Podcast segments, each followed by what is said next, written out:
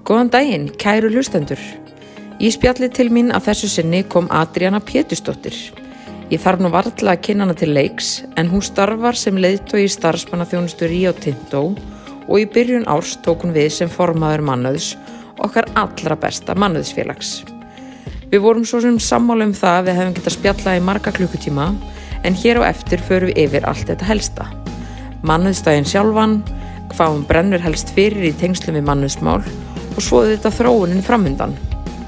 Og svo er nú smá rúsina í pilsuöndanum. En þetta er sem sagt þáttur nr. 44 og í fyrsta skipti lendi ég í smá tæknilegum örðuleikum. Ekkert alvarlegt sem betur fer en það er sem sagt smá fiff þarna í lokin sem ég vona að þið geti fyrirgefið mér. En allavega, styrtaræðilega þáttarins er ekki að verða endanum. Það eru Akademias, Ég, Mútöp og Alfreð. Akademias er fyrir mentun framtíðarinnar. Akademias er þekkingafyrirtæki sem aðstofar fyrirtæki og einstaklinga við að búa til lærdomsvegferð sem opna ný tækifæri til framtíðar. Akademias skapar verðmæti með því að sérhæfa sig í fyrirtækjafræðslu og nýta til þess fjöl, fjölbreyta lærdomstækni hvort sem ávið um staðbundið eða stafrænt lærdomsumhverfi. Þar má meðal annars nefna fullbyggt stúdjó þar sem hægt er að taka upp alls konar kynningarefni og svo býður Akademias einni upp á þjónustu sem snýra því að velja fræðslukerfi, greina þarfir, búa til fræðslu efni og námskeið í samstarfi fyrirtæki. Ekkert vesen, bara einfalt, skýrt og þægilegt. Fyrir frekari upplýsingar er hægt að kíkja á akademias.is. Ég er gjafakerfi sem samanstendur af ég gjafabriða appinu, ég.is og ég manager fyrirtækja þjónustu ég sem hefur notið mikill að vinsalda meðan mannustjóra og annara stjórnenda. Með ég getur þú sendt gjöf á hvert sem er með einföldum hætti fyrir einn ymsu tilefni. Samstagsæðilar ég er yfir 200 um allt land en þar má nefna til dæmi Skælagún, Vögbaðs, Veromóta og allar bestsæli vestalinnar, Sindamanni, Selgerabúðina og yfir 70 veitingastæði og fjölmart fleira. Svo það eru til gafir sem henda öllum og við öll tilefni. Tilvalin leið til að auka starfsánægu, spara tíma og koma óvart. Fyrirtækja þjónusta ég er gjald fyrir áls, þú greiðir bara fyrir þær gjafir sem þú kaupir og sleppir þá við allan auka kostnað, sendingagjöld og þetta er frábært fyrir umhverfið. Svo er það MútuUp, en MútuUp mælir starfsánægu fyrir íslenska vinnustæði. Hægt er að nota MútuUp í allir helstu gerðir mannusmælinga, púlskannanir, sérsniðinar kannanir og stjórnendamönd. Með MútuUp fær starfsfólk kannanir í SMS-ið og tölupósti og stjórnendur sjá svörin samstundis í sérstökum mælaborði. Þar er hægt að greina niðurstöðunar til dæmis með því að bera þær saman við aðra vinnustæði í sömu atvinnugrein. Í mælaborðinu byrtist líka nafnlaus endurki frá starfsfólki. Stjórnendur geta brugðist við og svara starfsfólki sem er áfram undir nafnlind í samtalenu. Með upp fór stjórnendur upplugt verkfæri til að auka starfsániðu sem skilar sér í auknum afkostum, betri mætingu og minni starfsmannaveldu. Ég mæli með að kynna sér málið með því að kíkja á mútup.is. 50 Skills er íslensk hugbúnaðalöst sem hjálpar vinnuveitundum með ráningar og virkun starfsmanna. Á markastorki 50 Skills er hægt að skoða þjónustur frá samstagsæðlum sem henda vinnuveitundum af öllum stærðum og gerðum. Hægt er að endurbyrta störfa starfatorki, útbúa ráningasamninga, senda skjöl í rafarænar undirhittanir og koma öllum aðgerðum sem snúaði ráningunni í farveg með sjálfverkum hætti. 50 Skills vinnur með leiðandi lausnir á heimsvísu sem hægt er að tengja saman til að búið til skilvirt, strömlínulagað ráðningaferli.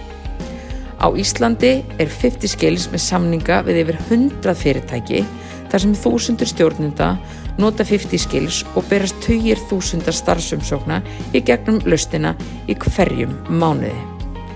En nú er komið að atriðinu, gjöru svo vel.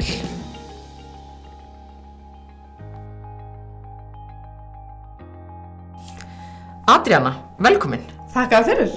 Hvernig hefur það þetta? Herði, ég er bara rosalega góð. Það ekki? Það búið að vera svo ógeðslega gott veður og mikil byrta þrátt fyrir að það sé komið svona, svona landin í haustið. Já. Og september var náttúrulega ekkert rosalega geggjöð viðlega að sé. Þannig að jú, bara æðislegt. Já, geggjað. Herðu, en uh, ég eins og fleiri ætla ég að hérna uh, já, ég ætla bara að hérna alhæfa pínu, ég eins og fleiri á hérna mannusteginum, fylgdumst með þér upp á stóra sviðinu í Eldborg og hérna ég viðkynna það alveg, ég bara bæði einhvern veginn fekk pínu tári í augun og bara fekk hérna bara gæsa hút um alltaf því mér varst að ræðan þín á mannusteginum svo geggjuð. Og hún snerti á einhvern veginn um, málefni sem að auðvitað bara allir, það er ekkert allir sem að þekki það að vera af erlendu bergi brotin og flytja til Íslands. En þú þekkir það og þú komst svo ótrúlega fallega inn á það í ræðinuðinni og mér langar kannski bara aðeins að svona, kannski fara aðeins dýbra í þá umræðu. Bara hvernig er þessi tilfinning að einmitt koma hingað, flytja uh, þurfa einhvern veginn að koma sér algjörlega inn í nýtt samfélag uh, kunni ekkert á það og þú veist, allt þetta Einmitt.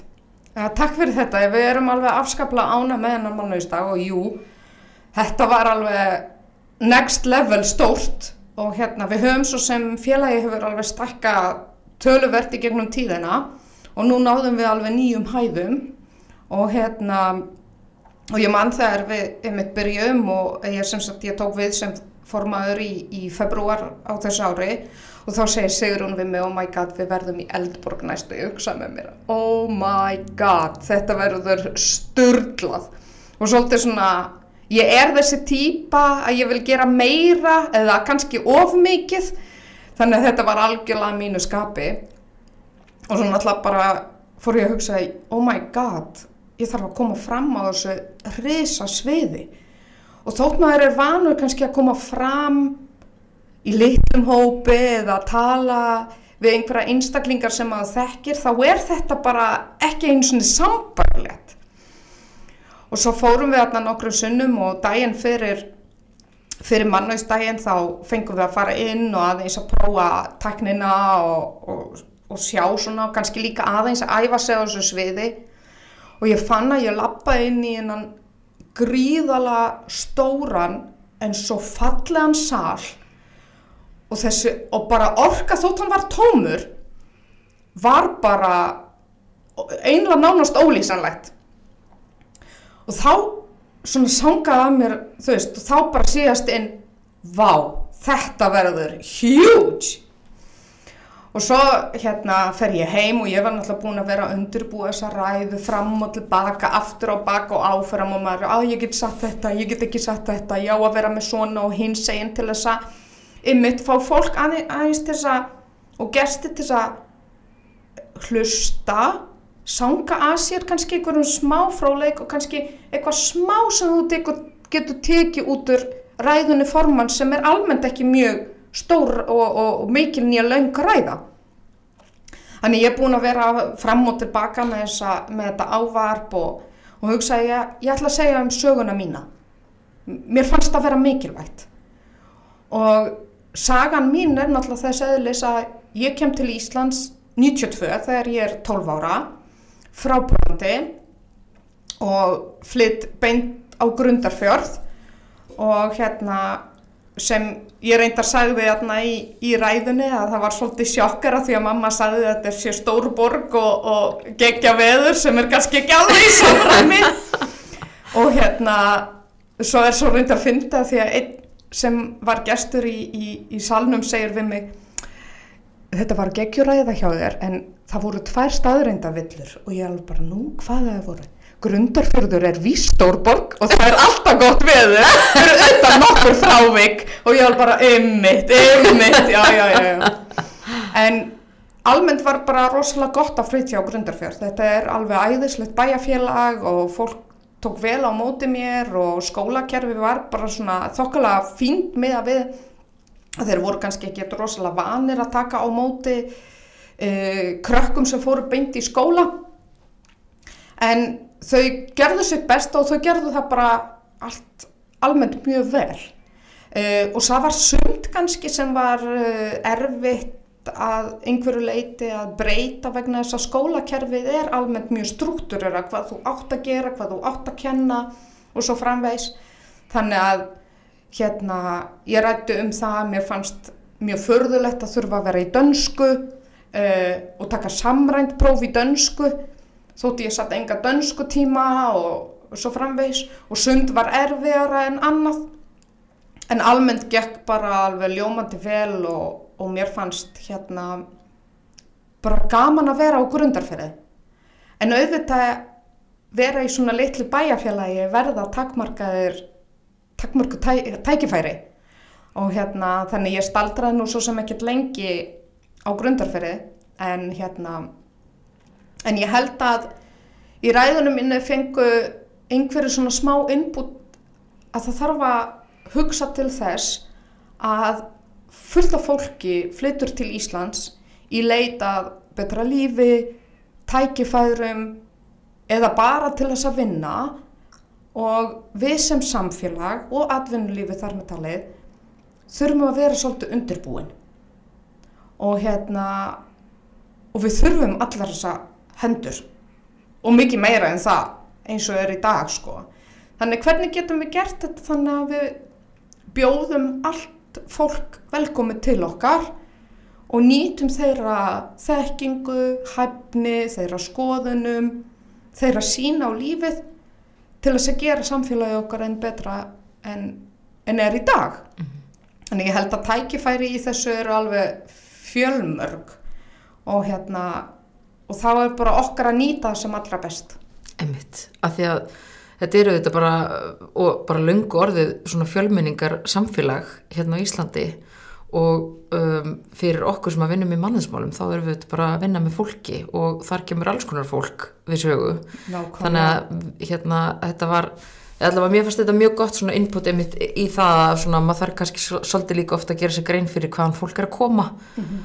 og, og hérna og einmitt svona taka tillit til þess og hvernig maður getur gert það á, á sem faglegastan hátt Nákvæmlega. Og við eigum í raun og fyrir að, að nýta okkur þetta í staðin fyrir að vera svolítið mikið að hugsa um cultural fit, að fitta inn í samfélagi, hvernig getum við aðtað inn í samfélagi þannig að þetta verður svona cultural add frekar en cultural fit.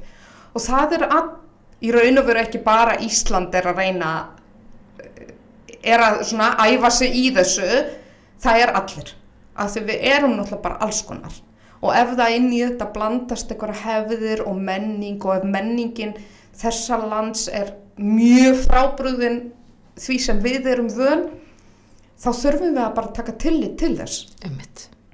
og sumt er hægt að breyta og aðlast og sumt erfiðara.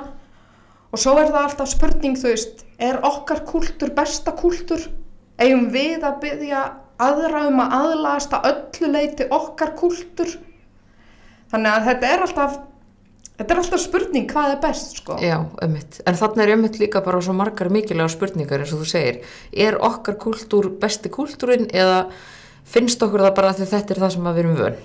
Sem er alveg eðlilegt líka Algjörlega. en ömmit líka hérna, hversu svona opinn og svejanleg ætlum við að vera og getum verið. Já, já, nákvæmlega, nákvæmlega og hérna ég til dæmis þegar ég er í grunnskóla á grund, nei, í, hérna í Pólandi þá er bara þetta svona þessi fjarlæð milli nefnd og kennarans og þessi virðingastig eru bara allt öðruvísi. Ef ég myndi kalla einhvern kennara bara með nafni eða hei þú eða eitthvað það eru þið bara beintir skólastjórans. Í alvörinni? Já, það er ekki, þú kallar einhvern mister eða missis eða frú eða, eða herra kallar ekki með nafni bara undir neinum kringumstæðum. Í alvöru? Já, bara það er svo dónalegt að halva væri meira nú. Og svo í einhverjum öðrum löndum er þetta jafnvel ennþá meira dónalegt. Emitt. Þannig að verðingastíið er rosalega mikilvægt allavega í pólsku samfélagi. Já, akkurat. Og svo er svo skrítið að því að þótt að ég ólst upp við þetta þá er þetta ekki svoleiðis hjá mér eða neinum og þegar ég er að vinna á vinnusta þar sem eru hérna kannski pólskir uh, uh, samstarfsmenn þau kalla mig fröken eða frú. Og mér finnst það svo furðulegt ég bara nei ég heiti Adriana ekki kalla mig fröken eða frú. Og þau bara já fyrirgeðu nú bara fyrirgeðu fröken. Nei Adriana. Þetta er mjög skrítið sko. Já, ég hugsa mér finnst þetta alveg skrítið, ég er alltaf í náttúrulega frú eða fröken Já. í vinnunni. já nákvæmlega. En þetta er samt þarf að passa sig þannig að það er ekki fyrir en ég er búin að segja að þú mátt kalla með aðrinu að þeir einhverju breyta. Einhverju vilja ekki breyta Einmitt. og segja bara nei. Uh, ég breyti því ekki. En alltaf fyrsta er alltaf fröken, fröken.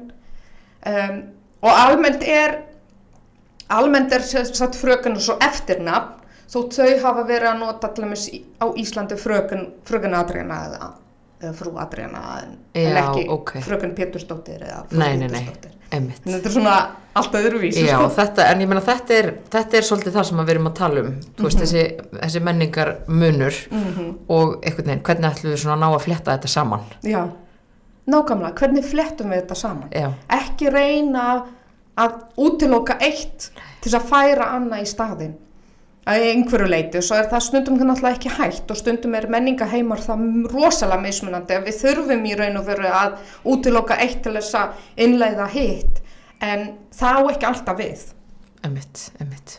En hvernig leið þér svona með mannustæðin og bara ykkur í stjórninni? bara við erum allsæl og hérna ég held að við allt, við náttúrulega stækkum töluvert við vorum yfir þúsund gestir uh, vorum í fyrra 750 uh, við vorum með 70 bása og 200 sínendur á meðan í fyrra voru eitthvað um 40 básar. Þannig að allt, þú veist, auðvitað skipulagi gera að verkum að þetta hérna tókst vel og það er ekkert hefni í því, þetta var bara gott skipula en auðvitað hefði allt geta farið til kannski ekki fjandans en, en hérna það hefði geta alveg verið einhverju hnökrar sem hafa auðvitað áhrif á upplifun gesta en það var það ekki. Og við heyrum bara fólki að þetta var æðislegt, það var frábæri fyrirlesarar, allir tóku eitthvað með sér uh, tilbaka og svo hérna þessi skipting þegar við fórum út úr Eldborg og skiptum yfir í þrjár sali þar sem fólk gæti svolítið valið hérna hverja þau vilja hlusta á hvaða erindi fólk vil hlusta á hafi lukkast alveg glimrandi vel og hérna og fólki fannst það svolítið skemmtilegt að geta svolítið valið en það er uh, bæði áhugarsviði, áherslur hvað við erum að glíma við mismunandi og við eigum kannski svolítið eftir að leita og fólk er að svolítið að leita af uh, fyrirlestrum eða erindi sem henda því sem þú ert að glíma við í dag eða hefur einlega náhuga á því. Einmitt. Þannig að í grunninn erum við bara uh, já, í skíunum yfir þessu og hérna vorum við mitt að hittast í, uh, í byrjun þessar vikur svona til að reflekta þennan mannustæðin og skrá hjá okkur hvað fór vel, hvað mætti betur fara og hvað við viljum halda í, hvað viljum alls ekki halda í og þegar við vorum búin að líta yfir punktana þá var þetta bara jákvætt, jákvætt, jákvætt, jákvætt, já, höfum fleiri bönd, þú veist, það var svona eina, eða, þú, veist, þetta voru svo lítlir hlutir, já, einmitt. færum hérna básinn með kortunum hérna frekar en hínum meginn, þetta var bara eitthvað Já. svona luxusvandamálinn, sko. Einmitt, einmitt. En það segir samt líka eins og þú segir, það er ekki bara eitthvað, svona dagur er ekki bara hefni. Nei. Þetta er bara ótrúlega gott og mikið skipulag. Og Sigrún góð á algjörlega, Sigrún Já, frændi sig hún- algjöran heiður af þessu og, og gott betur.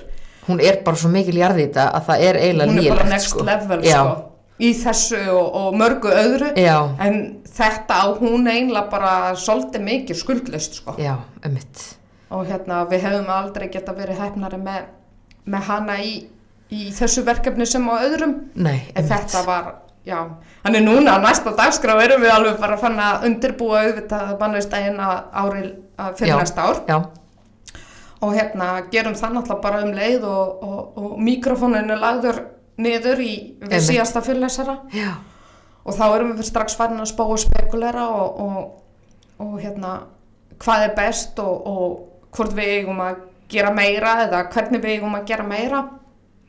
Og höldum að næsta ári verður jafn stórt ef ekki einmitt. um, við auðvitað vissum að við, við værum að fara í Eldborg. Við þurfum náttúrulega miklu fleiri gesti en, en hafa verið undan farin ár.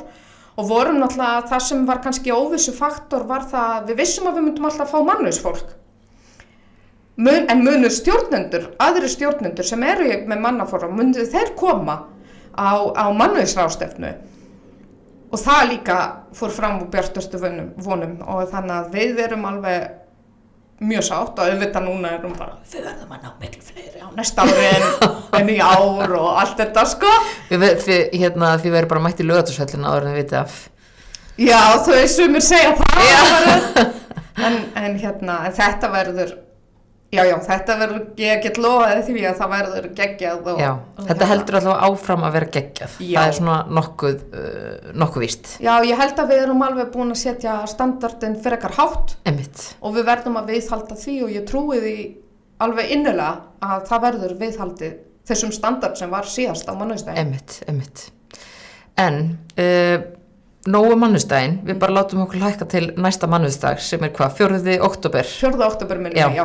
ok. Það er alltaf fyrsti föstu dagur í, í oktober. Oktober, já, við látum okkur hækka til Mm En uh, ef við svissum aðeins yfir Já, og förum aðeins að tala um þig meira um, bara hvar svona byrjaði mannesferðliðin hva, í hvað hérna hvernig svona littistu út í þennan bransa já. Ég var einmitt aðeins að hugsa um þetta í gær.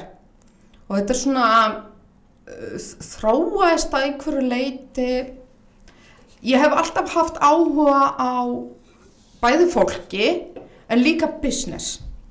Og hérna vissi svo sem alltaf að ég myndi fara og læra eitthvað business eða eitthvað, eitthvað business tengt. Og hérna uh, ég náttúrulega fer í skóla hérna grunnskóla fer svo í, í hérna fjölbraut klára það nú reyndar ekki verða ólétt og klára ekki fjölbrautaskólan en fer að vinna í ráðhúsi Árborgar.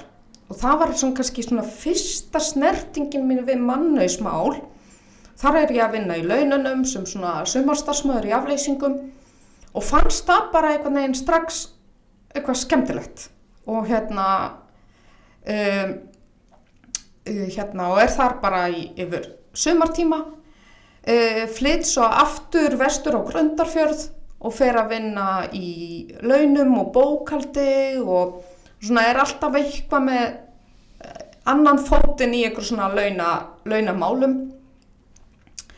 Uh, flytt svo í bæinn og byrja eins og kannski flestir þegar þeir eru um tvítugt að vinna á skemmtustöðum og, og hérna og er orðin vaktstjóri og sér um að svona manna hérna vaktir og svona ég myndi nú ekki segja að vera starfsmannastjóri en, en, en er svona já, svona ekkur er með svona mini starfsmannastjóri. Mini starfsmannastjóri og er með yfir umsjón og fólk hringir í mig og ég sér um að, að, að annars vegar að ráða í vinnu og, og fylla á vaktirnar og svo minnir mig að einhver segir við mig oh, þú ættir að vera í svona mannesmálum þú talar svo mikið, það er svo góður eiginleiki sem er þannig alltaf alls ekki. Góður eiginleiki mannestjórans og ég hugsaði bara já, ég þangað. Og hérna og svo um, er ég svo raunverulega uh, starfa sem uh, starfsmannastjóri á þeim tíma hjá á hérna, fyrirtæki sem heitir VAF Austustræti sem sá meðal annars um pravdarskemtistæðin mm, og hérna og þar er náttúrulega það er hún svona stór staður og, og eigundur þess kaupa fleiri staði og þetta verður hún svona frekar stórt. Þannig þar er hún svona um 100 starfsmenn í hlutastörfum og einhverjir fastránir og þar byrja ég í raun og veru svona með eitthvað aðeins touch við, við svona uh, samt mjög óþróska starfsmannastjórnun þú veist að ráða og, og reka og sjá um launin og samninga við, við starfsfólk. En að því að þetta var miklu meira svona tímavinnufólk sem kom bara í hlutastarfi með skóla þá hérna uh, já þetta var verulega svona óþróskuð mannustjórnun má segja þannig.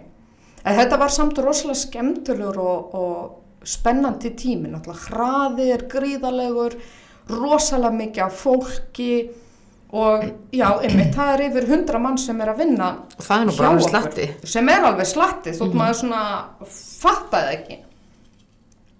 Og svo náttúrulega tjónast það uh, 2003 nei 2007 fyrrgeðu uh, tjónast Pravda og, og, uh, og hættir starfsemi. Og í kjölfarið þá selja eigundur hínastæðina og, og ég fyrir að hugsa bara ok, hvað hvað ætla ég að gera þegar ég verð stór en alltaf hefur mannusmál og kannski laun hafa heitla mig mjög mikið svona vinnuréttur og ég hugsa ef, ef lögfræði væri ekki svona leiðilegt fag þá hefði ég farið í lögfræði Já. þetta allir mín öll fjölskylda mín eru annarkvort lögfræðingar og dómarar þannig að það hefði alveg svona verið hið eina rétta Emmitt. um, en ég hérna fer og, og fer að vinna hjá Reykjavíkuborg á miðlæri launadeild hjá þeim. Og þá vakti áhugi minn á kjaramálum og vinnurétti bara mjög mikinn áhuga. En þannig veit- kemstu líka bara svolítið í þú veist, alveg bara í ringuðuna. Algjörlega og þetta er náttúrulega bæði stórt, þetta er mikið um kjarasamningi, mjög flókið umhverfi sem svona opinberi geiri er. Og finnst, ok, fyrir geðuðið, mér finnst rosalega gaman að lesa kjarasamninga sem ég veit ekki hvort það sé, Ég læti þess að ég hafi ekki heyrst En bara ef að þið Já. finnst þetta það er bara geggjað. Uh, og, það, og það bara, já, þetta var mjög skemmtilegur og hérna mjög fróðlegu tími. Og ég lærði alveg gríðalega mikið og er mjög þakklátt fyrir að hafa fengið tækifæri til þess að vinna þar því þetta var ábyggla svona stepping point inn í, inn í, í hérna, mannusmálin að fullu. Einmitt. En þar er auðvitað, þar vann ég náttúrulega á miðlægri launadeild, þá vorum við ekki að sjá um ráningar og engin önnur þannig sé starfsmannamál annað en bara laun og túlkun á kjarasamningum og stuðningu við stjórnendur. Uh, eitt svona stórt verkefni sem, sem hérna, ég tók uh, mikinn þátt í var að innleiða vinnustund í alla grunnskóla Reykjavíkuborgar á samt kollega mínum og hérna og það var það var svona já, annað svona uh, verkefni sem maður lærði rosalega mikið á að innleiða svona risavaksi kerfi inn í inn í, í opinbæra stjórnsýslu. Um, og það var bara alveg æðislegt að vinna fyrir, fyrir borgina og hérna og bara mikið þekking þar. Uh, stórt náttúrulega deildin var risavaksin en það 9000 launþegar og eða launtakar á hérna uh, hjá borginni. Og hérna mikið sem hægt er að læra á því og, og svo framvegs og fjölmargir stjórnendur ég veit ekki hvað eru margir en það eru ansi margir út um allt. Um, svo í kjölfarið þá hérna fer ég í visskiptafræði upp á Bifröst og hérna ákveða ná mér í nú í einhverja gráðu og ég vissi það að, að þrátt fyrir reynslu þá þá mun það bæði nýtast mér og hjálpa mér til að komast í raun og vera áfram. Og klára sem sagt uh, hérna BS og fer svo í master í alþjóðavirskiptum líka upp á Bifröst að hendaði mér afburða vel að fara þar. Það var mjög vel skipulagt námi vinnu þannig maður var alveg í fjarnámi allan tíman maður var á þessum tíma var skipulagið þannig að maður tók bara einn áfanga tók próf annan áfanga tók próf. Já. þannig maður gæti einlega einbett sér alveg Emmitt að einu í einu og það hendaði mér rosalega vel. Og hérna þetta var sem sagt þannig að ég alveg bara að ég verða að ná mér í eitthvað gráðu.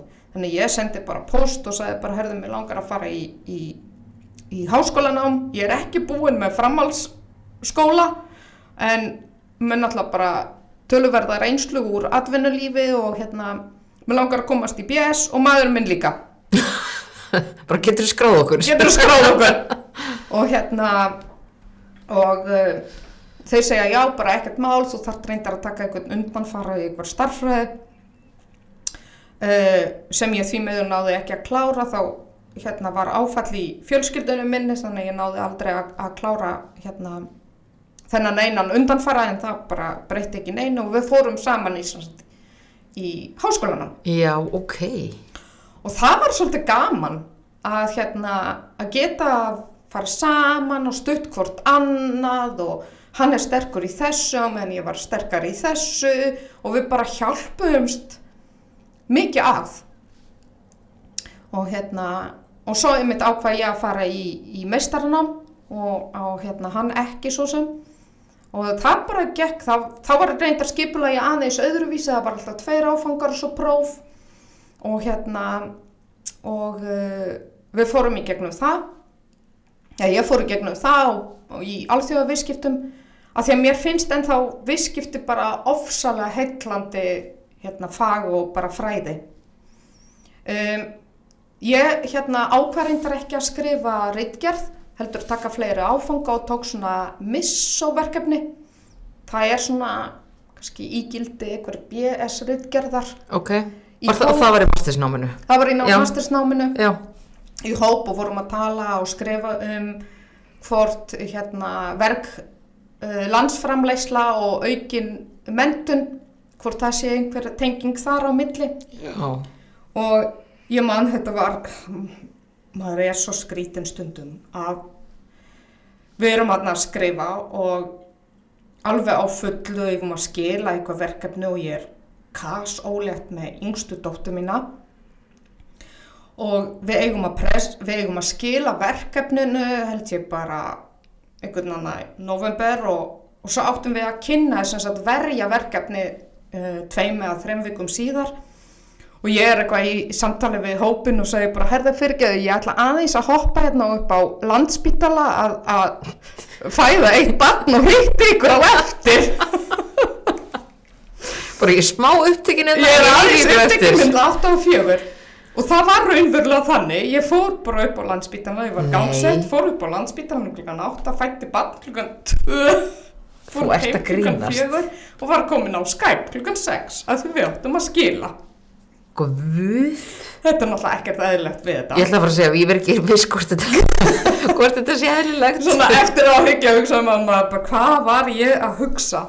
En og hérna við skilum verkefninu og svo fórum við að hérna stuttu síðar að, verja verkefni og, og ég tek náttúrulega litlu stelpuna með mér sem er þá innan við tíu daga gömul og maðurinn minn kemur með og þau fara inn á Hotel Bifröst á meðan ég er að verja. Og ég man að við vorum að fá svo mikið á spurningum og ég finn bara að ég þarf að fara og gefa barninu brjóst að því að lekur út um allt og þau verður ekki að hætta að spyrja og ég alveg bara við minn góðu að bara allt orðið bleikt Jésús minn. Og bara svo verður manni illt og svo bara verður manni ílt og ég var bara ætla ekki að klára þessar spurningar. Og hérna svona fullkomin uppskrift af því að vera í háskólanámi og eh, hérna eignast barn Nákvæmlega. En svo kom svo má pása þannig ég kljóp alveg upp og gaf upp, hérna uh, Lillunni að borða og svo kom niður til að svara fleiri spurningu. Þetta var náttúrulega bara af þér og, og Algjörlega galið.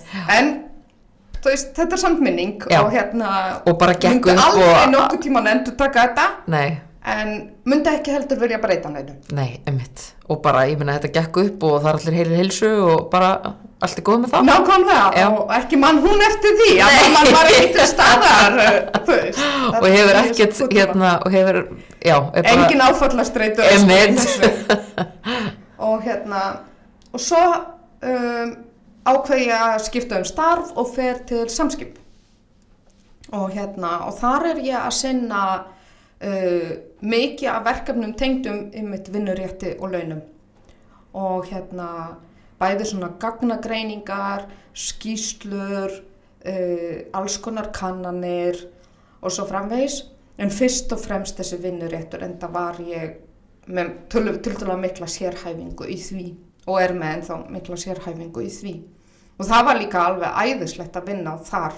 Mjög stórt, uh, flott fyrirtæki mm, vel hugsa um starfsfólkið geggjaða skrifstöður frábært umhverfi og hérna og mér leið bara mjög vel þar og hérna uh, já og bara uh, allt við þennan tíma var bara uh, var bara frábært og maður lærði ennþá meira í raun og veru. Og svo náttúrulega bara banka fleiri tækifæri inn og hérna þegar ég sá auglýsingu frá Rio Tinto og þá hugsaði ég mér að stærra fyrirtæki uh, er valla hægt að finna á Íslandi. Er alltaf mjög alþjóðlegt og ég vissi að þar var mikið um kjaramál. Þannig ég hugsaði yes, fleiri kjarasamningar og hérna Bara let's go. Let's go.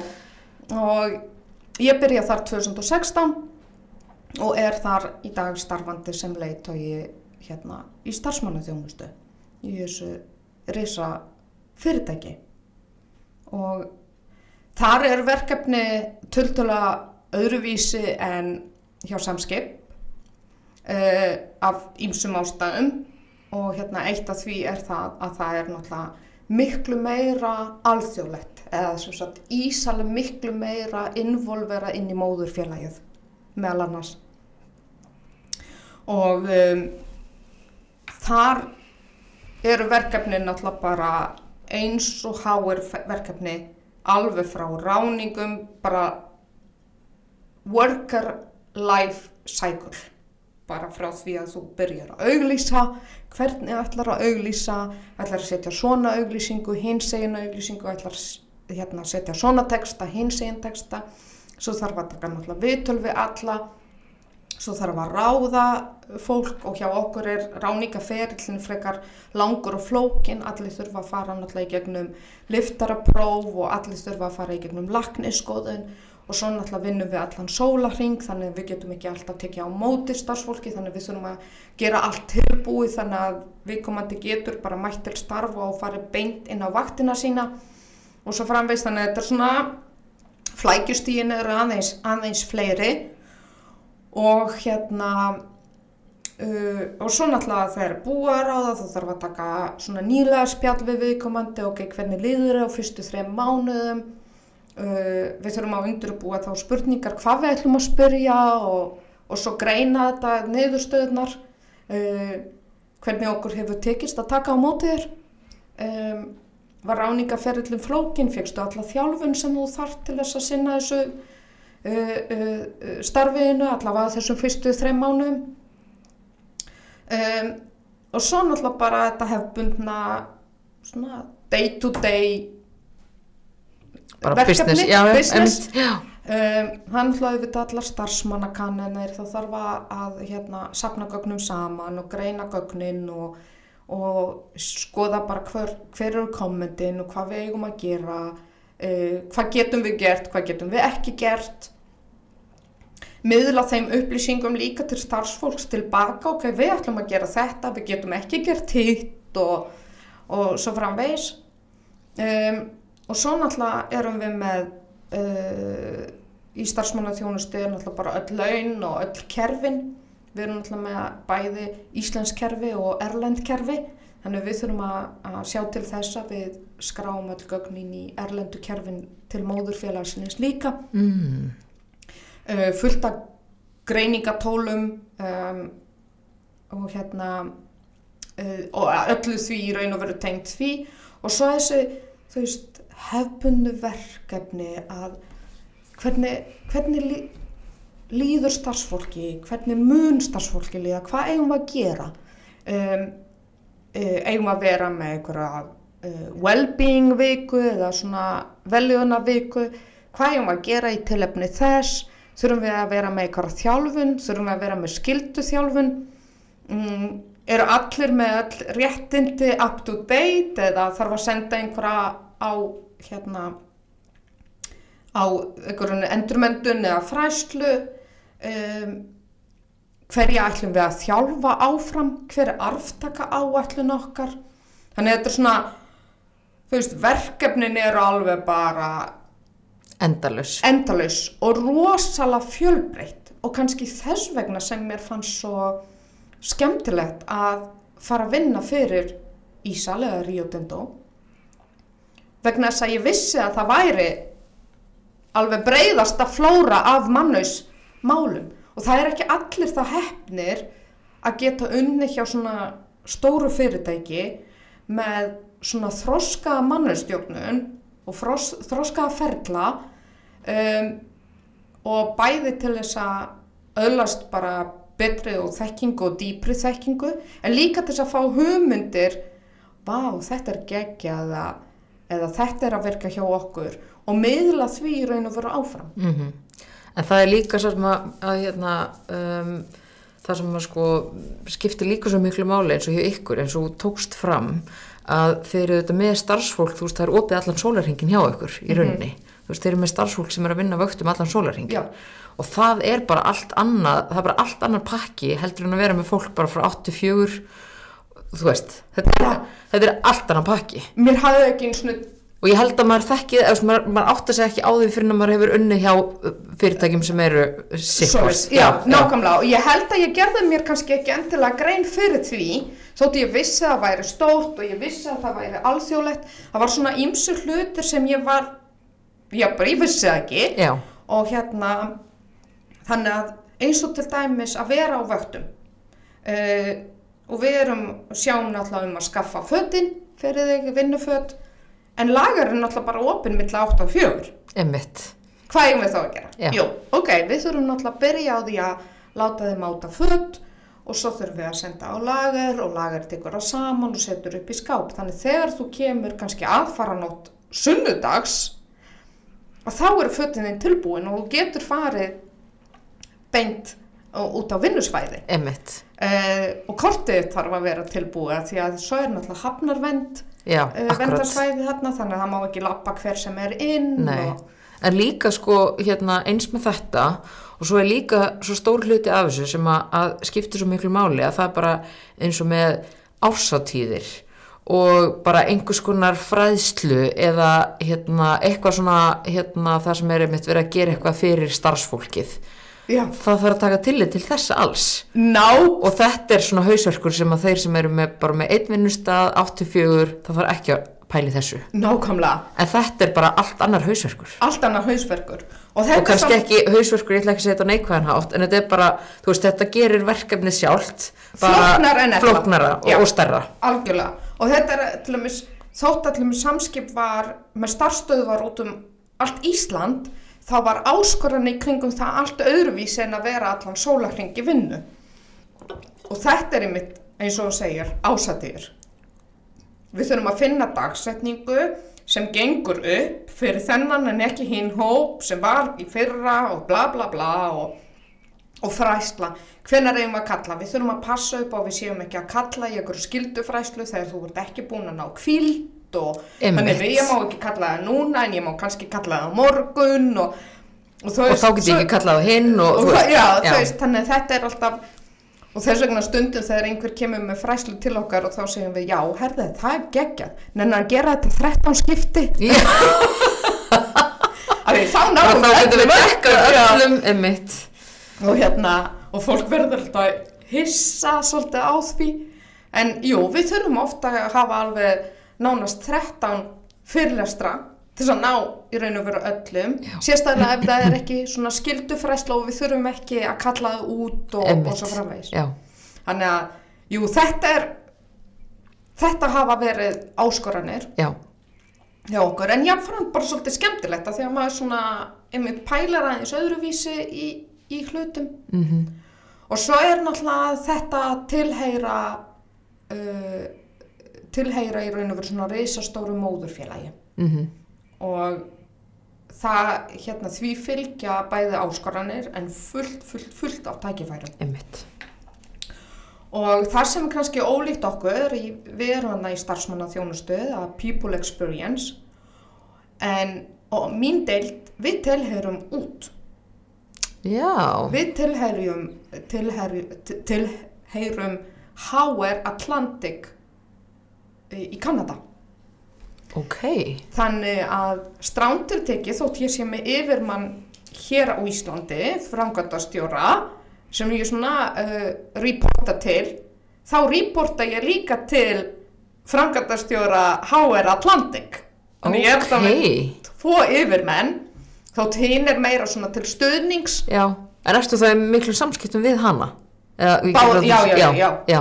Það er allavega hérna við eigum alltaf mjög reglulega fundi bæði svona one-on-one fundi og líka bara fundi í deildinni HR Atlantic deildinni. Já, ok. Og þar fær maður líka reyndar að vita fullt af alls konar upplýsingum sem maður dettur ekki eins og í Nei, hug einmitt. að vera á einhverju litlu Íslands Já, bólu hérna. Einmitt. og það er, og það er jafnframt alveg gríðarlega skemmtilegt þannig þarna er til dæmis konsept um, um kjara samninga og kjara viðræður og vera í, í sagt, kjarabundin starfsmæður það er bara allt öðruvísi konseptin en hjá okkur Einmitt. á meðan hjá okkur er bara, já, ertu ekki hvað fer? Jú, bara fínt takk fyrir bless. Já. Þarna er bara, ok, þetta er kjarabundin starfsmæður og þetta er ekki kjarabundin starfsmæður. Það bara gilda bara tvær ger ólíka reglur. Og hérna, og svo þegar við höfum verið að tala um svona kjarasamninga, þá er það bara eitthvað neginn allt, allt öðruvísi líka. Einmitt.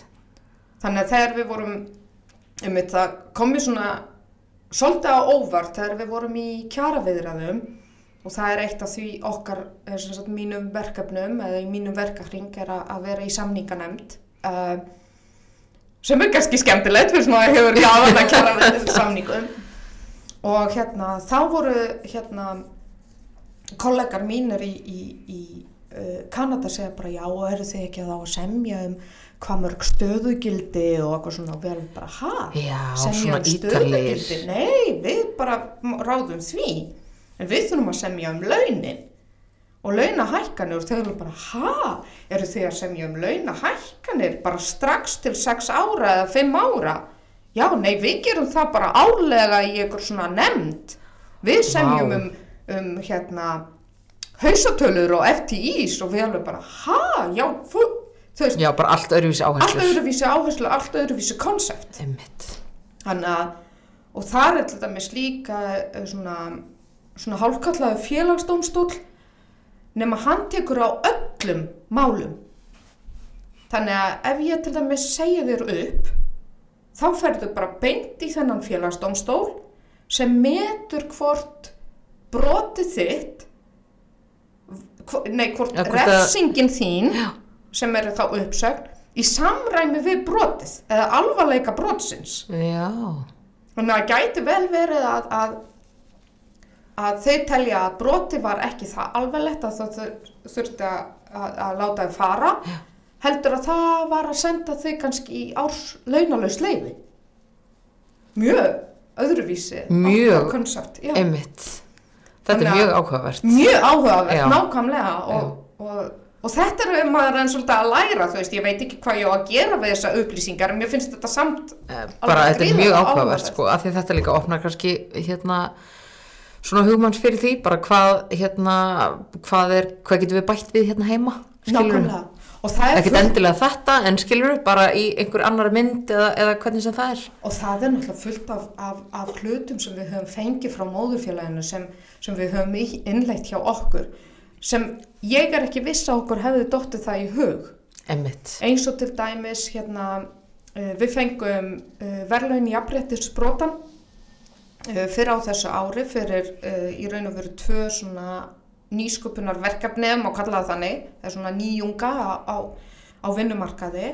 Og annars vegar það að við erum náttúrulega að greiða mismunagreislu á fæðingólofi í átján vikur. Mm um, sem náttúrulega þekkist í einhverju brönsum en þá er það kjarasamningsbundnar til að missa Já. og í böngum eða fjármálageirunum -hmm. á meðan hjá okkur er það ekki kjarasamningsbundi og allir fá. Mm og hérna og hins vegar ef þú ert í launalausu fæðingólofi þá færðu samt mótframlega í lífeyrissjóðin Já, þannig að þetta er til að tryggja þessi jafnrétti að, að, að konan sem er yfirleitt uh, hérna, lengur í fæðingólofi Mhm. kall, Já. að þau standa, standa í raunum veru uh, Jafnfættis jafnfætis þegar kemur að, að greislum lífeyrissjós mm á setni árum.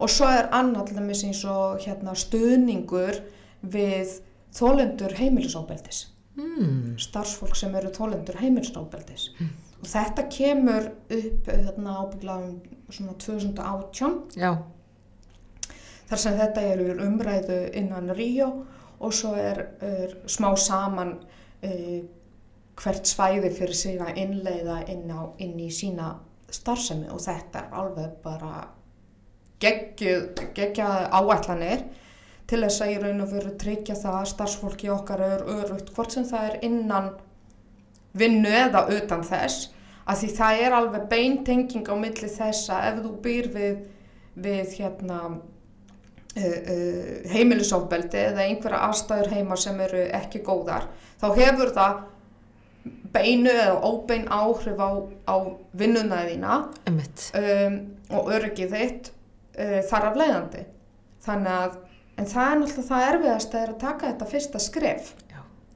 og fyrir utan þetta er það náttúrulega tabú um, þá er eitt af fjölmörgu sem fer í gegnum hugaðin er að bara býtu ok, ég hérna ég, ég þarf bara að fá smá fjárhagsstuðning þú veist, ég er kannski með kort sem er tengd við maka minn og, og viðkomandi tekur korti hvað hva ég að gera Einmitt. Og þá er svo mikilvægt að vera með bara upp á borði að ef þú þarft að leita aðstöður eða að koma út úr þessum aðstæðum þá erum við að bjóða upp á þetta og Mhm. þetta og þetta Já. þannig það léttir aðeins skrefi sem er nú þegar gríðarlega þungt og það líka kannski segir manni að, að þú getur treyst því að koma til okkar það er ekki tabú, við munum ekki Mhm. hérna, hafa neina skoðun á þessu en neitt slíkt sem auðvitað er að vefjast fyrir, fyrir starfsfólki sem eru eftir vill að búa við óörugar heimilisafstæð. En eins og þeir eru fóruð í einmitt eins og þetta verkefni Já. og þú nefnir algjör tabú uh, var þetta eitthvað sem kom bara upp hjá ykkur bara í, þú veist, hérna á bara í starfsmannaþjónustunni Mhm. bara heyrðu, þetta er eitt af verkefnum sem okkur langar að hérna innlega eða kom upp eitthvað tilvik, þú veist, og ég veit ég er ekki beðið um að nefna Já, já, einhverja mhm. persónulega leikendur en kom upp eitthvað tilvik þar sem þeir svona já, heyrðu, hér er greinilega tækifæri þar sem við getum stutt við starfsfólkið okkar Nei, í raun og veru gerði að hvorut vegna þess að þetta er innleitt hjá Rio Tinto og þetta er kemur Já, sem sagt ok. starfsmæður Rio Tinto uh, uh, einhver staðar út í heimi sem er við þessar aðstæður og ákveður í raun og veru að fá fyrirtæki til þess að aðstofa sig. Og auðvitað í öllum tilfellum eða öllum tilfellum, ég er að alhæfa en í flestum tilfellum mundi fyrirtæki hvort sem er hjálpa þér já, eða já, og hérna þannig að af hverju ekki hafa þetta bara beint upp á borði og hérna og þar, þarna fekk viðkomandi í raun og veru aðstof frá uh, Rio Tinto. Og hérna og í kjölfari óskaði eftir því að þetta verður bara yrði útgefið. Já, bara innleitt allstaðar bara innleitt allstað vegna þess að þetta er eitt af því sem, sem viðkomandi átti bara svolítið erfitt með þér bara ok og þetta er náttúrulega í allt öðrum heimi en við erum vön. Þannig að viðkomandi var eitthvað bara já ok ég þarf að færa sig um fyrir á aðra vakt ég þarf að færa mig á milli staða, ég get ekki dunni á þessum stað ég verið að vinna á hinum stað get ég beðið um flutning get ég óska um flutning, hvað ef þeim neita mér um flutning á milli vinnustaða og Einmitt. bara svona sem dæmi þú veist, eitthvað svona praktísk bara atriði. svona praktísk atriði sem náttúrulega auðvitað magnast líka Já, upp og, og verða bara eitthvað svona manster í til já, þess að stíga og eru oft yfir. bara óyfirstíðanleg og eru oft óyfirstíganleg.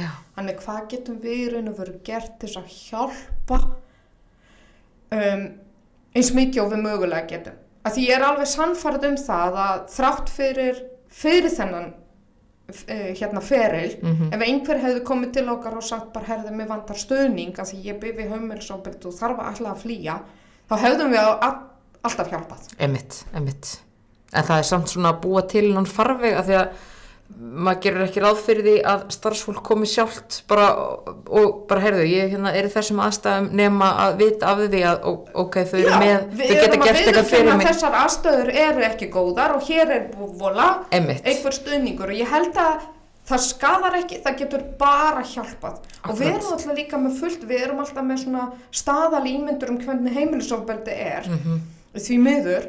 En, en hérna en við erum alltaf með rosalega mikið starfsfólki hjá okkur sem kemur á sömartíma bara ungd fólk sem býr kannski við, við hérna heimilis aðstæðu þar sem fóldra þeirra er að beita en ofbeldis og eitthvað sé nefnt. Þannig að þú veist, við, við megum ekki gleyma að þetta er Já, það er ekki þetta miður- alhafa um þetta. Alls ekki alhæfa og því miður samkvæmt því sem mér skilst að þá er heimilisofbeldi bara gríðalega stort vandamál í íslensku samfélagi. Mhm, bara gríðalega stort og við vorum einmitt með hérna á frídaginn eh, hérna emitt þá var einmitt málstofa hjá hérna ungum aðdafnakonum þar sem við erum að tala um tölum um ofbeldi. Og þar voru fullt af erendum þar með tali við vorum að, að ég var að ræða um, um sagt þessa hérna þessa leifinningar okkar eða viðbrá okkar. Uh, en þar kom líka hérna yfir ég held að hann sé yfir varstjóri Karl í lauruglunni og hann var að segja bara þú veist kannski er yfir helgi tíu útköll og hérna og það kemur í fjölmiðlum að, að hérna var einhver ófriðar ástand í miðbænum og þrýr voru fluttar á sjúkrahús en hann segi það stendur aldrei að það voru kannski áttamanns fluttar á sjúkrahús vegna heimilsóbeldis emitt Og sem er er bara sjúkt. sem er bara sjúkt. Og hérna þannig að og þar kannski koma náttúrulega stó, mar, margir í einni fjölskyldu jafnvel hérna í þessu máli. Þannig að, að ég, ég, ég trúi virkilega að, að þessi viðbröð hjálpa þeim sem ætla að taka sér skref og, hérna, og ég veit um fullt af fyrirtækjum sem hafa innleitt þetta í raun og veru í kjálfari Já, algjörlega, mér finnst þetta mjög flott nálgun Já. og bara hérna alveg heiklust fleiri fyrirtæki sem mættu taka þetta upp. Já, já.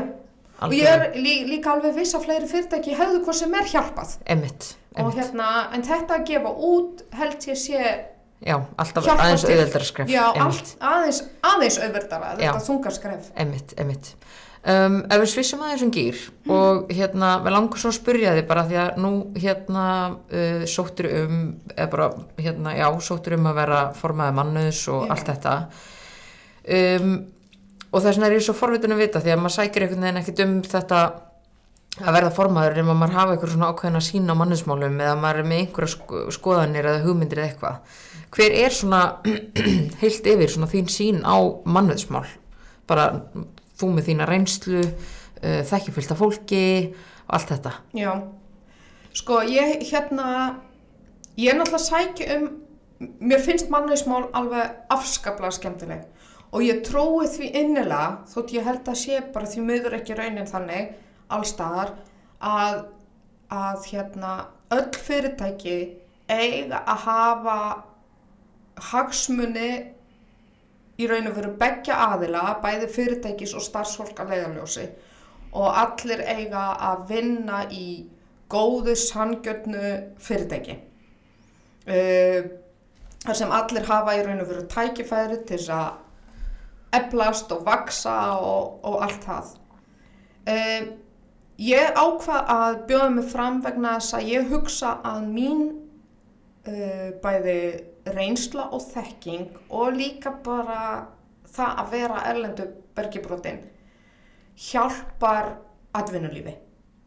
Og mannauður á náttúrulega að vera áhrifavaldur í atvinnulífi og hérna og hjálpa fyrirtækjum og stjórnendum innan fyrirtækja að, að hérna vera samkeppnishæfari á, á vinnumarkanu þannig ég trúi því svo sannlega að, að mín sín uh, hjálpi til.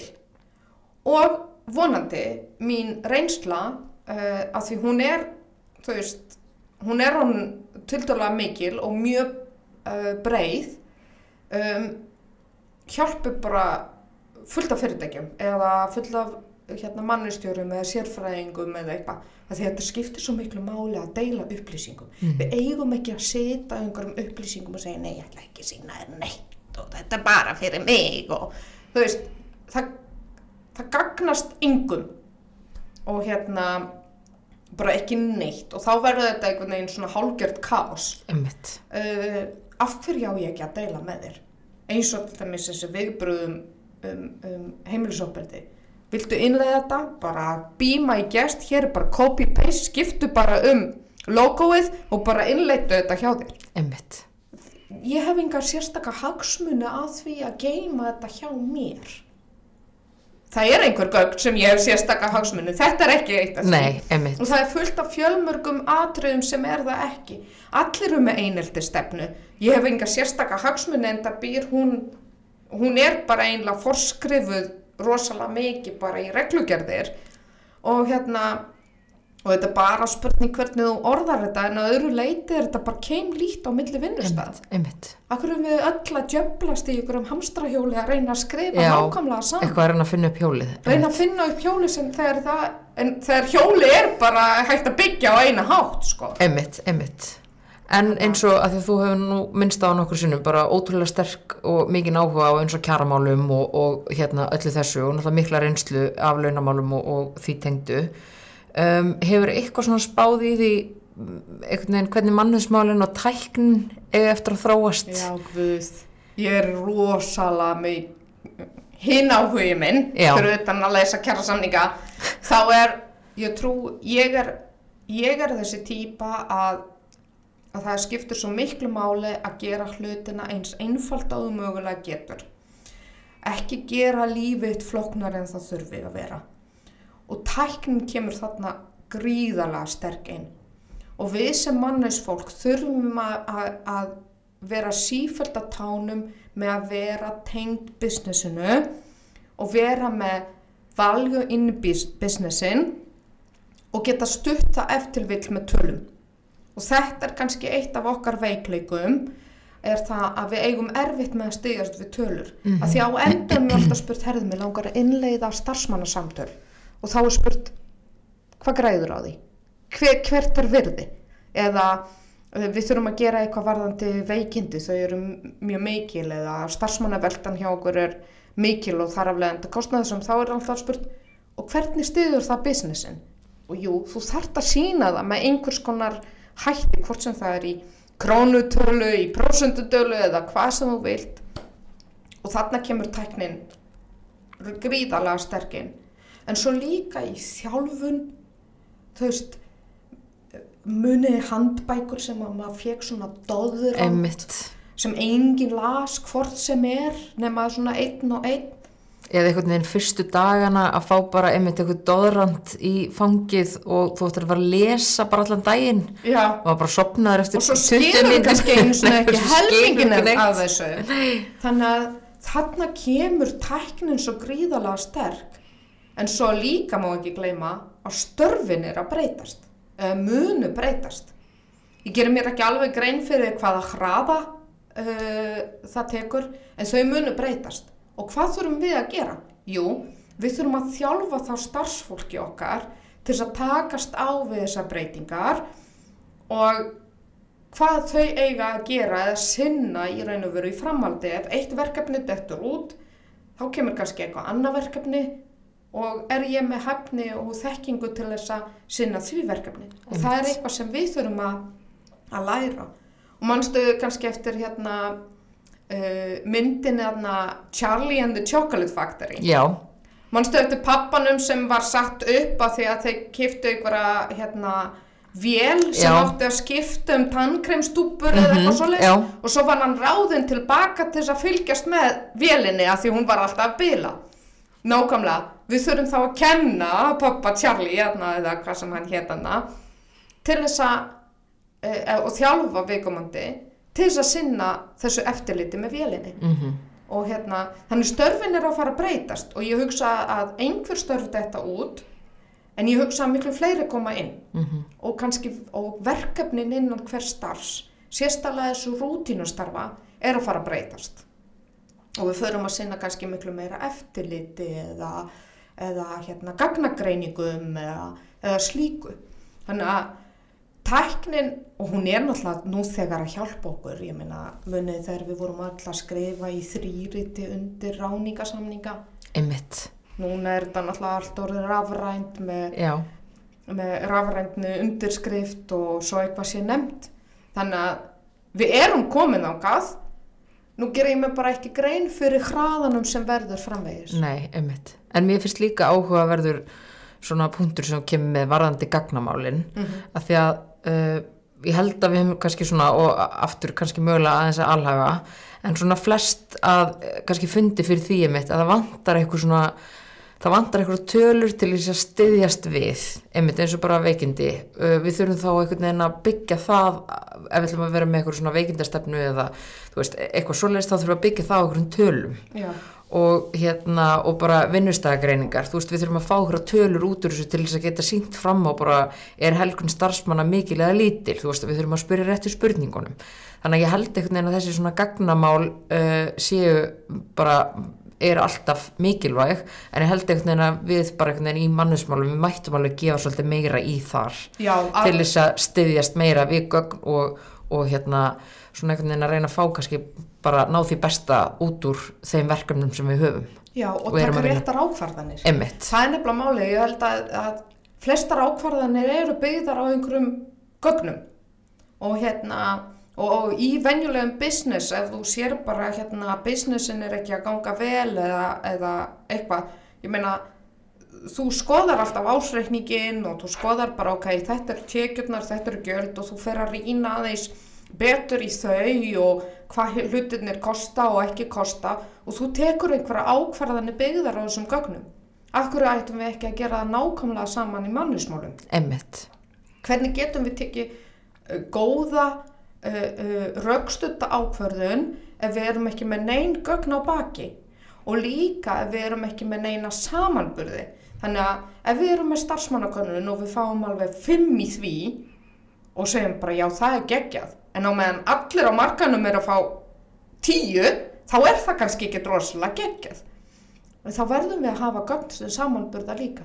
Og þar erum við ekki mjög sterkir. nei, emmitt er það myndur segja að emmitt svona þessi gagnamál væri kannski svona eitt af þeim áskorunum sem að svona, uh, já, mannesmál uh, standa frammi fyrir?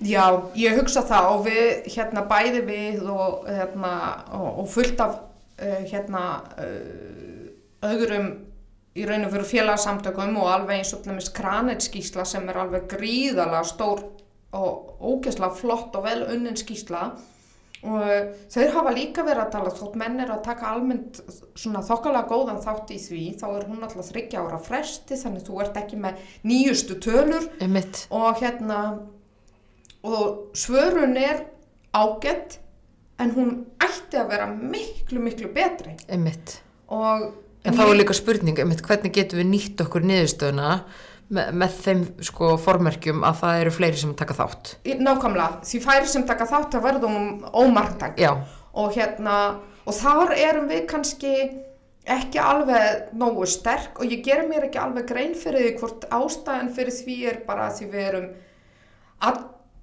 öll í öllu og höfum bara engan tíma í þetta og erum bara svo mikið að slökva elda eða hvort uh, hérna kerfin okkar eru ekki nógu góð til þess að hjálpa okkur í þessum málum eða hvort við bara kunnum það ekki eða Einmitt. höfum bara engan áhuga á því. Ég gerir mér ekki alveg grein fyrir því. En ef þetta snýr um kerfin þá þurfum við að nota tæknina til þess að bæta kerfin til þess að við höfum tíma í, emmitt í að skila þessum gögnum já, að, og þetta er, þetta hengur afskaplega mikið saman. Það er ekki hægt að taka bara eitt út fyrir svega. Þannig þarna erum, mættum við vera sterkari bara sem, sem mannus fólk Já. á Íslandi og hérna, en að öðru leiti, þú veist, þar sem ég heyri frá kollegum okkar, þá erum við að afburða góðum stað í, í samanburði við við hérna eh, önnur lönd. Um, og auðvitað eru sumur sem gera hlutina betur og meðan við gerum hlutina öðruvísi en það þarf að taka þetta í einhver svona samengi, það er ekki hægt að taka bara einhvern veginn eitt út fyrir svega og, og sagt já, þú veist, þarna er miklu betur, já, að því konsepti er öðruvísi. Emmitt og atvinnulífi er öðruvísi og svo framvegst þannig að uh, en á mörgu leiti held ég að við séum bara á, á mjög góðum stað en við getum alltaf gert betur og við þurfum líka innleiða breytingar og þróast uh, á öllum sviðum sem sagt mannauðsmála Emmitt, emmitt. Um, svona ein, kannski spurning bara í lokin. Uh, svona þín einhvern veginn sín á uh, manneðsmál bara svolítið svona næstu ár. Bara þróun og við erum alltaf kannski búin að taka fyrir svona svolítið tæknihlutan. Já, svona bara þróun almennt uh, til dæmis bara hvað, sér, hvað sérðu fyrir þér bara að vera fyrirlestrar á mannusteginum eftir þrjú ár bara svona í tengslu við tíðarandan og eitthvað svona Uh, ég hugsa að það er sumt sem, uh, sem verður alltaf ongoing og það er hérna fræsla og svona leadership og self-leadership og slíkt. Það held ég mun ekki breytast alveg strax.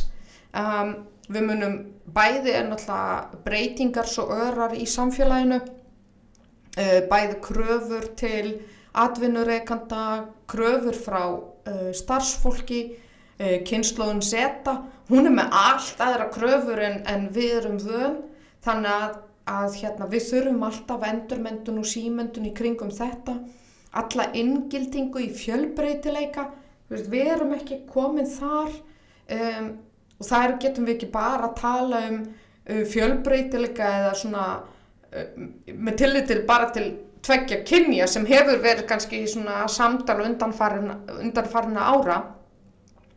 Þannig að við þurfum þarna svolítið að, spýta upp og, og þar munum við eftir við rekast á einhverja veggi. Um, og svona æfa okkur og, og læra betur í kringum þannig að ég hugsa að svona leadership mun ekki hætta á næstunni og ég hugsa að verðar tiltöla mikla breytingar í kringum fræslu um, bæði verður fræslan öðruvísi þannig ég gerir ráð fyrir að störf fræslustjóra í fyrirtækjum munu breytast tiltöla mikið. Uh, og svo er náttúrulega annað sem, sem hérna sem við höfum ekki rætt um er fleiri og fleiri fyrirtæki eru náttúrulega og fleiri fleiri viðskiptavinnir eru að óska eftir því að fyrirtækin eru bæði samfélagslega ábyrð og vottuð. Og hérna og með hverju vottun fylgir fullt, fullt af úttektum.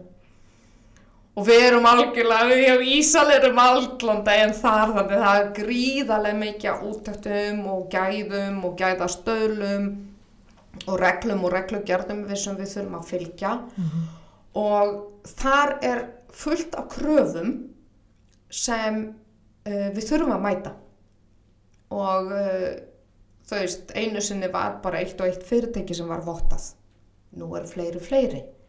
Uh, svo er fullt af fyrirtækjum sem sögðu eina vottun sem þeir hafa er jafnlauna vottun en nú verður krafa um að vera með vottun í gæðum eða í umhverfismálum eða hvað sem það er. eða bara svansvotta eldhús. Svansvotta eldurs, bara nefndu það. Já, og þetta verður held ég líka hínar áskoranir mannhausfólks er að annars vegar innleiða allar þessar vottanir uh, ganga frá öllum gögnum og fræslu og skildum og hérna sem því fylgir.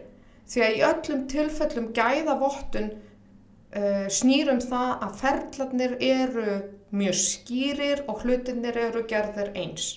Og hvernig getum við tryggt þegar það er mannshönd sem kemur að því að hlutinir eru gerðir eins? Jú, við þurfum að þjálfa við þurfum að hérna uh, leiðbeina og svo framvegs og hérna og þar koma mannauðstildir aftur sterkarinn fyrir utan öll gagna aragú sem við þurfum að, að, að sinna. Þannig að hérna uh, teng, tengd í raun og veru öllum, öll- öllum svona úttektum og, og kunna að vera í úttektum og kunna að vera í innri úttektum af því það er ekki alltaf utanakomandi og, og það er náttúrulega fullt af kröfum um að vera í innri úttektum líka og svo þarf það að gera úrbætur úr því og þær gera sig ekki sjálfar. Nei, bara alls ekki. Bara alls ekki, maður hefur alveg beðið stundum alveg bara, jæja, kannski klárast þetta sjálfum sér og, og svo verður ennþá meiri og meiri krafa uh, frá starfsfólki, frá samfélaginu um svona jafnvægi milli uh, engalífs og atvinnulífs með svona vellíðan og svona well-being að leiðaljósi og hvernig mætum við það? Já, akkurat. Að því mér finnst það líka hérna svo áhugaverið punktur að því held að það bara komið inn í hérna fjölmjölum bara helst í vika, tvær vikur síðan eitthvað svo leis. Bara við byrjum hérna á stýttingu vinnuvíkunar fyrir nokkur síðan og svo er allt í einu bara, já, eigum við ekki bara semjum það í næstu kjærasamningum að það verði bara fjóra daga vinnuvika. Og og allt í einu erum við bara einhvern veginn komin svona Já. bara, og, og, og þetta er náttúrulega bara einhver hugsunarháttur Já. en þá veldur maður í mitt fyrir sér hvar verðum við eftir nokkur ár verður það bara, verða bara fjögur þetta að vinnuvika og ef við náum Og bara eins og kjarasamningum ekkert eðlilegt. nákvæmlega og við náum ekki kjara samningum núna þá verður þetta krafa í næst eða þar Einmitt. næst þangað til það verður ná þessari kröfu einmitt, með einhvers konar hætti þannig að hvernig ætlum við að gera þetta já og það er rosalega mikið breyting bara ef við horfum sko eh, ég man ekki hvenar hérna var samið fyrstum styrtingu vinnu. 2019 Já, þú veist, ef við horfum, Lífskjarasamningi, já, emmitt og ég meina, ef við horfum 6-7 ára aftur í tíman, þá var þetta ekki, þú veist, þá var þetta ekki einu svona pæling. Já. og þarna var bara 45 mínútur held ég á viku eða eitthvað svo, Já. svo við fórum náttúrulega í panikun hvernig við ætlum að vera með Framkvæma þess það. 45, da- 45 mínútur á viku. Einmitt. pæltu ef við fækkum bara með dag í viðbót? Já, akkurat, og hérna og svo er náttúrulega fl- flækjumálin verða óendarlega þar vegna þess að einhverjar svona stopnanir eða eitthvað sem getur verið með fjara daga vinnuviku er bara geggjað og bara Mhm. fínt.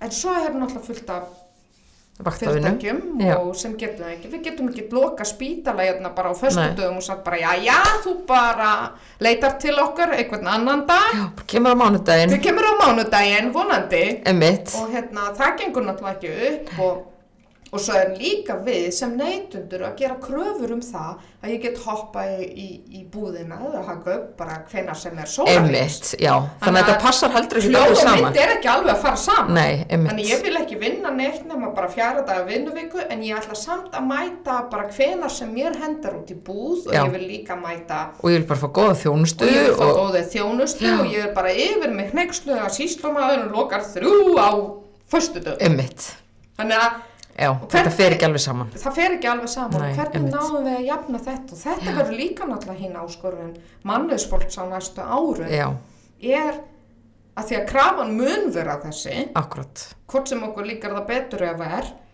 uh, á einhverju tímapunkti mun vera samið um þetta. Mm og hérna kannski í smáskamtum, kannski Einmitt. ekki. Og hérna og við bara atvinnulífið erum bara ekki tilbúin í þetta. Einmitt. og kannski munur á, á umhverfi okkar og erlendis er að við erum náttúrulega með kannski eitt samning þú veist, ebling við, við SA sem gildur um alla vinnustæði landsins. Þannig sé. Á meðan erlendis er kannski samningur bara millir mín og fyrirtækis mitt stjættafélags og fyrirtækis. Þannig við getum aðlaga eftir vill einhverjum áherslum eftir því sem hendar þeim sem hendar okkur og hérna það er ekki almennt í, í, í, í hérna uh, á markaði hjá okkur þótt að sé fullt af fyrirtækjum sem eru með sérkjara samning en einhvern veginn flæðir allt sem er sami á almenna markanum í Og hérna kemur þetta. Mistökin í allri sinni dýrð. En ekki slökka núna, það er nóg spennandi eftir. Við vorum að tala um uh, vinnutímastýttinguna uh, og svona hvernig samhengi er á melli vinnu og engalífs. Hvernig við náum einhvern veginn að láta hljóð og mynd uh, mætast. Já, Það þetta ver- verður mikil áskorun Já, emitt. og hérna, og ég hugsa að, að nú þegar er maður fann að heyra þessum gröfur frá stýttafélagum þetta verður eitt af þessum satt rödd frá stýttafélagum að þetta verður eitt af, af framhaldsgröfum á, á næsta ári. Og ég hugsa að þetta verður uh, mikil áskorun fyrir okkur vegna þess að, að um, sum fyrirtæki munu bara eiga kannski minna erfitt með það að, að, að aðlæðast þessari breytingu. Sjáðu til dæmis eins og hérna landspítalan eða spítalarnir okkar sem hérna voru í ykkur stökustu vandræðum þegar vinnutímastýtting var fyrst innleitt. Ég meina, nú þegar er bara gríðarlega mönnunarvand þar og ef menn eru farin að vinna eða starfsfólk er farin að vinna bara fjara dag vinnuviku, hvernig ætlum við að fylla öll hinn stöðugildi? Þannig að hérna, ég hugsa að, að þetta verður flókið og svo líka, meina, fer, verkefni fara ekki neitt. Þannig að hvernig ætla ég að klára öll mín verkefni á fjórum dögum án þess að stressast upp og það bytnar á heimilislífinu. Ég kem alveg bara út. Og smá tæknilegir örðuleikar aftur. Já, ég er mjög samanlegar. Þetta má náttúrulega ekki bitna á því að mitt heim, heimilislífið verður svo bara miklu verra að því að við erum búin að stytta vinnutíman svo mikið. Já, að við verðum bara útstressuð. Emitt, emitt. En Adriana, uh, tæknin er búin að vera að stríða okkur aðeins. Já. Ég hef aldrei lendið í svona vandræðum. Þú ert gestur um 44 en ég held að við hérna nýbúnar að tala um tæknimálum verðum að játa okkur sigraðar. Já, nákvæmlega, við þurfum að læra greinlega Já, emitt. Uh, þúsund, þúsund þakkir fyrir komuna. Þetta var alveg geggjað spjall, geggjað þáttur. Þannig að bara takk aftur fyrir komuna og ég laka til að fylgjast meira með þér. Takk fyrir að bjóða mér, þetta var geggja gaman. Takk sem leiðis.